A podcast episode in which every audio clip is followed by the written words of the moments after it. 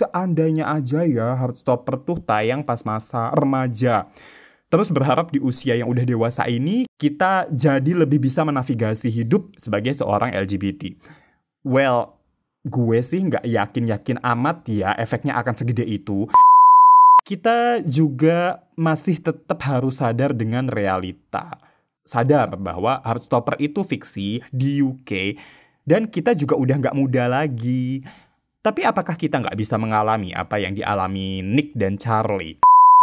Gue rasa penting aja sih untuk mengimbangi kisah cinta yang mulus di antara sepasang remaja gay dengan nonton kisah cinta sepasang gay yang udah dewasa secara umur. Karena ada juga kok yang bisa mulus meski remajanya mengalami penolakan, kegagalan, atau malah nggak ada pengalaman sama sekali.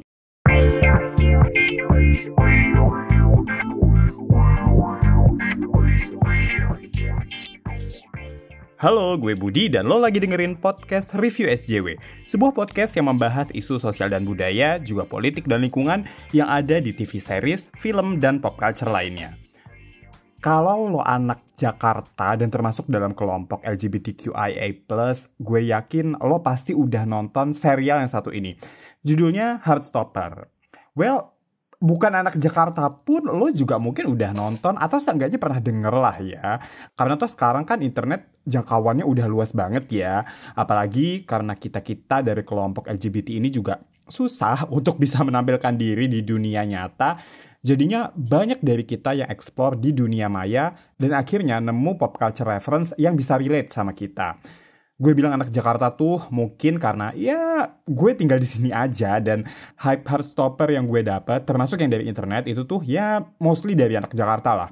Anyway, Heartstopper ini diadaptasi dari webtoon dan graphic novel dengan judul yang sama.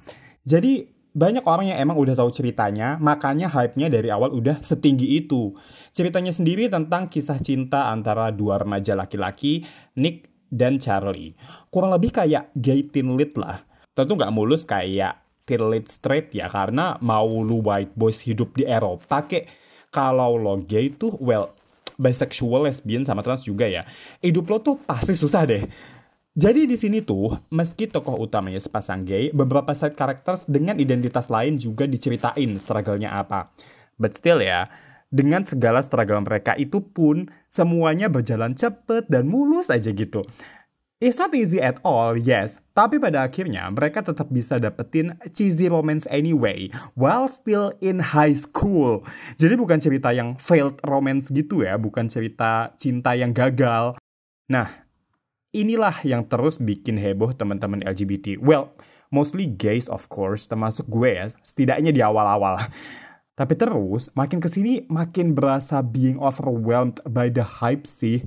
Rasanya jadi kayak too much gitu loh tapi gue ngerti sih, karena selama ini kan cerita LGBT itu kebanyakan tentang gay yang sakit, mati, atau ya paling mending kisah cintanya gagal lah. Cerita LGBT high school romance tuh jarang banget bahkan di dunia fiksi. Paling Love Simon aja kan yang tergolong baru. Itu juga filmnya tahun 2018 atau 2019 gitu kan. Gak baru-baru banget sebenarnya. Di dunia nyata juga udah jelas pastinya high school romance di antara sesama gay sangat jarang terjadi, bahkan mungkin hampir nggak ada. Di Asia, Indonesia pula. Least dengan adanya Heartstopper, harapan kita tuh nggak cuma ada di kepala, tapi ada visualisasinya. Jadi bisa bikin kita lebih hopeful, karena kan ini tayangnya di Netflix ya, platform nonton yang segede itu. Tayang juga di Indonesia. Jadi kayak karena serial teenage gay romance ini ternyata dapat tempat di platform yang gede, kita dapat sedikit gambaran mungkin dunia udah mulai menerima. Setidaknya sedikit aja, jadi kita bisa merasa agak lebih aman lah. Walaupun, ya sebenarnya sih kita tetap nggak aman ya. Dan ini yang harus tetap kita sadari. Terutama mungkin buat dede-dede Gen Z yang umurnya nggak jauh ya dari karakter-karakter Heartstopper. Kita harus sadar bahwa pertama, Heartstopper itu fiksi. Kedua, mereka ini settingnya di UK. Ya, emang sih ada adegan bullying dan itu tergolong parah. Tapi setidaknya dibandingkan di Asia, apalagi Indonesia, UK tuh masih lebih aman dan accepting lah. Jadi jangan ke bawah halu juga. Make sure kita nggak kebelet come out tanpa mikirin resiko ke depannya atau make a move ke cowok yang kita suka tanpa kita tahu betul ini orang beneran suka sama cowok juga atau enggak atau minimal enggak homofobik lah. Well, mungkin sulit untuk tahu for sure ya. Tapi seenggaknya, peka membaca tanda lah. Kalau nggak ada tanda-tanda jelas bahwa perasaan lo kemungkinan besar akan berbalas, iya jangan diterusin. Jangan bikin gestur yang gede atau terlalu jelas gitu. Demi keamanan lo sendiri juga sih. Nah, kalau generasi milenial ke atas kayak gue nih, ternyata banyak di antara kita yang jadi mikir, wah seandainya aja ya Heartstopper tuh tayang pas masa remaja. Terus berharap di usia yang udah dewasa ini kita jadi lebih bisa menavigasi hidup sebagai seorang LGBT. Well, gue sih nggak yakin-yakin amat ya efeknya akan segede itu. Tapi bisa aja loh. Mungkin kalau kita nonton Heartstopper di usia remaja, kita bakalan jadi halu. Mungkin di kepala kita, ide tentang queerness dan homoseksualitas itu cuma seputar relationship doang. It's not, nanti gue jelasin mungkin Heartstopper bakalan mempengaruhi kita dalam memandang relationship yang ideal di dunia nyata. Terus jadi drama karena gak keturutan atau karena ujung-ujungnya putus juga. Tapi seenggaknya semua hal itu terjadi di usia remaja. Jadi ya mungkin bener aja pemikiran beberapa orang dari generasi gue. Dengan eksplorasi dan berbagai drama yang terjadi di usia remaja, Mungkin aja di usia dewasa kita jadi lebih chill, lebih relax, lebih nggak neko-neko, bahkan sampai nggak gampang merasa tersinggung atau mengkonfrontasi orang karena semua itu udah terjadi di usia remaja.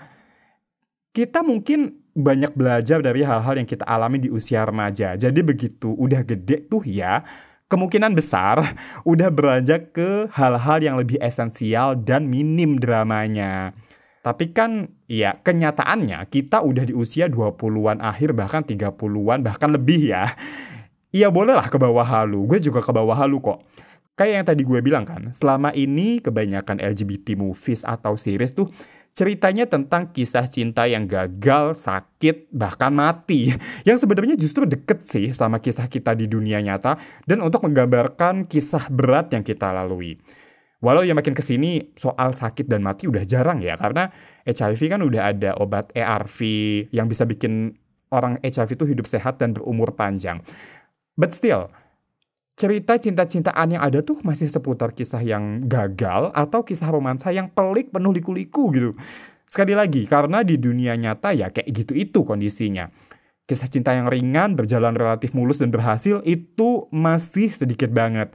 Nah, cerita kayak gini tuh jadi escape mechanism aja. Jadi karena kita capek banget nih sama realita hidup yang berat dan pelik, pengen deh kabur ke dunia hayal di mana banyak hal tuh berjalan mulus gitu, mudah gitu. Salah satu cara kaburnya ya dengan mantengin layar nonton Heartstopper ini.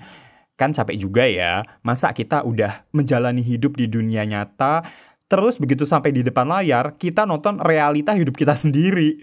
Ya nggak apa-apa sih, tapi wajar juga kalau kita sesekali pengen kabur. So, ya, yeah, wajar kalau kita halu. Capek say jadi realistis tuh.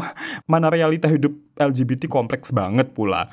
Jadi, kita juga masih tetap harus sadar dengan realita. Sadar bahwa Heartstopper itu fiksi di UK dan kita juga udah nggak muda lagi. Tapi apakah kita nggak bisa mengalami apa yang dialami Nick dan Charlie? Kalau pengalaman di sekolah tentu tidak ya. Tapi punya support system kayak teman-temannya Charlie, nyaman dengan identitas diri termasuk punya pacar, itu masih bisa banget kok. Karena ya kayak yang tadi gue udah sempat bahas kan, bahwa queerness atau homoseksualitas meski ada kata seksualitas di dalamnya itu tuh bukan perkara romance, uh, love atau uh, kencan doang. Lagian juga kita hidup tuh bukan cuma ngurusin hal-hal perkara eksplorasi sama identitas diri sebagai seorang LGBT doang kan. Kita kudu ngurusin kerjaan lah, mikirin karir lah, ngatur duit lah, bikin podcast lah, jaga mental health lah, belum lagi ngurusin badan yang makin jompo ya, sakit pinggang, kolesterol, dan lain-lain. Jadi, ya jangan sampai rasa halu kita tuh bikin kita lupa sama aspek hidup kita yang lain. Well, ini not to myself juga ya.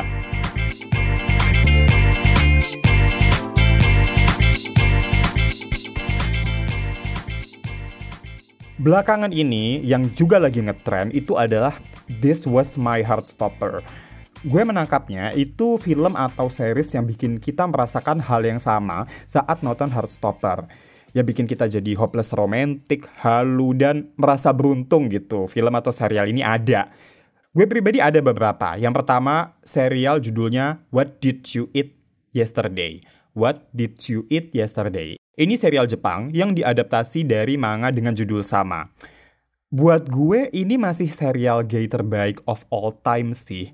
Karena ini tuh orang Asia, usia 40-an. Dan gay struggle-nya tuh nggak mendominasi, tapi juga nggak sehalu itu.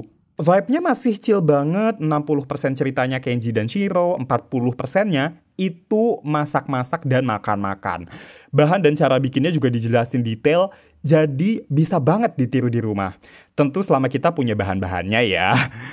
Hubungan Kenji dan Shiro juga gemes banget, konfliknya kecil-kecil, manis gitu. Lihat mereka berdua tuh. Well, terutama Shiro ya. Terus juga, meski tadi gue bilang gay struggle-nya nggak mendominasi, cerita yang kayak gitu tetap ada. Tentang penerimaan keluarga Shiro terutama. Itu pun juga dinamikanya menarik, gak tegang, somehow malah sweet, karena mereka tuh nerima Shiro sebenarnya. Justru Shiro yang gak tahu gimana caranya menyikapi penerimaan dari orang tuanya. Malah lebih relatable sih buat orang-orang Asia, terutama buat gue ya, dan uh, orang-orang seusia gue. Kalau mau nonton, itu juga gampang banget ada di Netflix. Kalian search aja What Did You Eat Yesterday. Terus rekomendasi dari gue yang lain adalah sebuah film berjudul Weekend. Kalau ini baru susah nih nyarinya karena gue cari-cari sih di platform mana-mana nggak ada. Gue juga nontonnya udah lama lah dulu tuh. Anyway, ini nggak sama kayak Heartstopper yang bisa jadi escape mechanism ya. Karena ceritanya tuh tentang dua cowok di UK, Russell sama Glenn, yang ketemu di sebuah bar, terus having sex, terus mereka berdua sebenarnya saling jatuh cinta, tapi Glenn gak mau pacaran karena merasa hubungan mereka bakalan sulit. Plus, dia juga mau kuliah ke Amerika. Nah, semuanya ini terjadi dalam rentang waktu Jumat malam sampai Minggu malam atau Senin pagi doang gitu. Makanya judulnya weekend kan. Menurut gue ini sangat relatable karena, well, meski belum pernah mengalami sendiri ya, banyak orang yang kisahnya baperan kayak mereka berdua itu having sex, ngobrolnya ternyata enak dan nyambung banget, terus ke bawah perasaan, padahal itu tuh kayak baru pertama kali mereka ketemu gitu loh. Ceritanya simple sih, tapi saking simpelnya jadi berasa senyata itu. Berikutnya, gue rekomendasiin film Single All The Way. Mungkin referensi gue aja yang kurang kali ya. Yang jelas sih, Single All The Way itu film gay bertema Natal pertama yang gue tonton. Dan itu so sweet.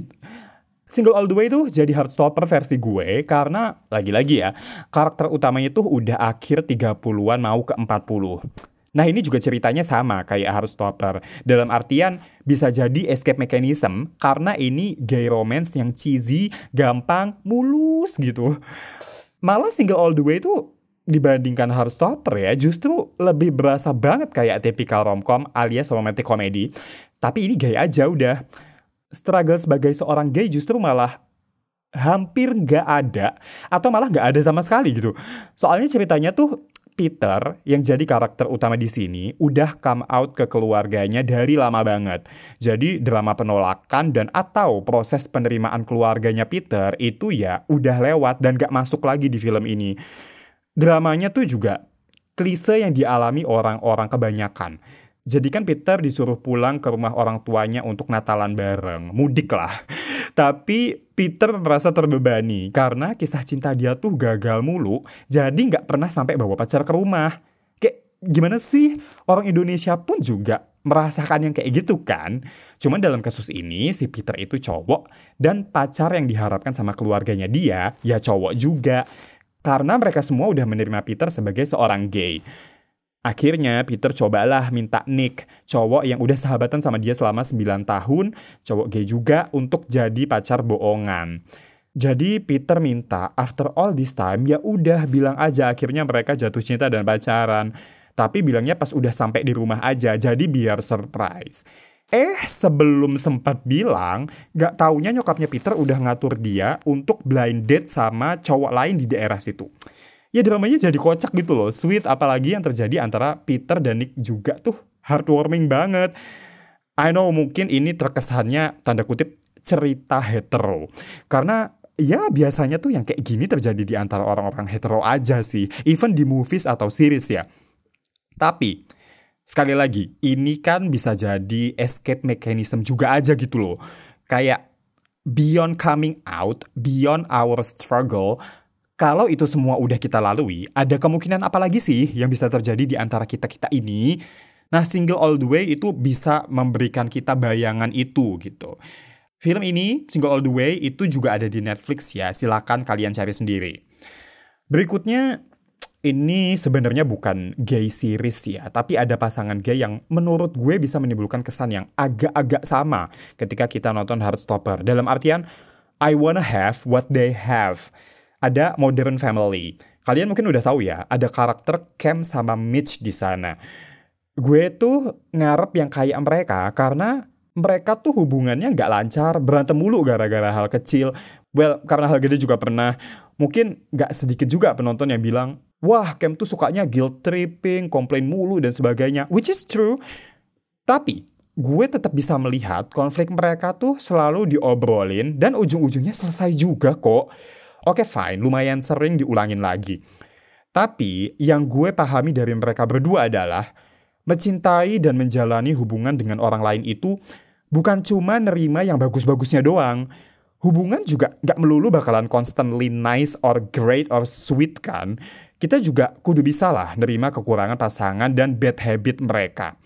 Kalau pas hubungan lagi nggak baik, didiskusikan. Diskusi juga nggak melulu bakalan bisa lancar banget. Dari Cam dan Mitch, gue merasa bahwa kalau bisa bertahan, iya bertahan aja. Di dunia nyata tuh, kok rasanya orang mudah aja gitu untuk ya udahlah udahan aja. Padahal sebenarnya bisa loh kalau mereka tuh saling menyesuaikan aja. Buat gue, Cam dan Mitch itu realistis. Begitu juga dengan karakter Robert sama Saul di serial Grace and Frankie. Ini juga ada di Netflix. Robert sama Saul tuh baru came out di umur 80 tahun saat anak mereka semua udah dewasa dan mereka juga tentunya udah punya istri sendiri-sendiri ya. Mereka came out ke istri dan keluarga terus ya udah menikah sebagai sepasang gay. Dinamika berpasangan mereka ya kayak Cam dan Mitch di Modern Family itulah Gue rasa penting aja sih untuk mengimbangi kisah cinta yang mulus di antara sepasang remaja gay dengan nonton kisah cinta sepasang gay yang udah dewasa secara umur. Karena ada juga kok yang bisa mulus meski remajanya mengalami penolakan, kegagalan, atau malah nggak ada pengalaman sama sekali. Menurut gue, malah lebih hopeful kalau kita nonton film atau series yang karakternya itu usianya udah dewasa. Karena ternyata nggak apa-apa kok nggak mengalami kisah romantis di usia remaja. Bisa loh dapat relationship yang sehat dan realistis. Just don't stop believing.